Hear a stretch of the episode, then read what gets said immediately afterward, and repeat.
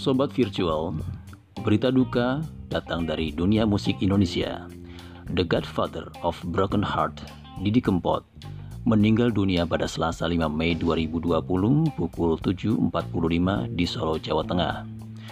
Didi Kempot yang bernama asli Didi Prasetyo merupakan adik kandung dari almarhum pelawak kenamaan Mamik Prakoso yang juga meninggal dalam usia 53 tahun sama dengan Didi Kempot.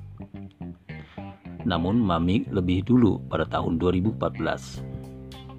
Selamat jalan, Sobat Ambiar.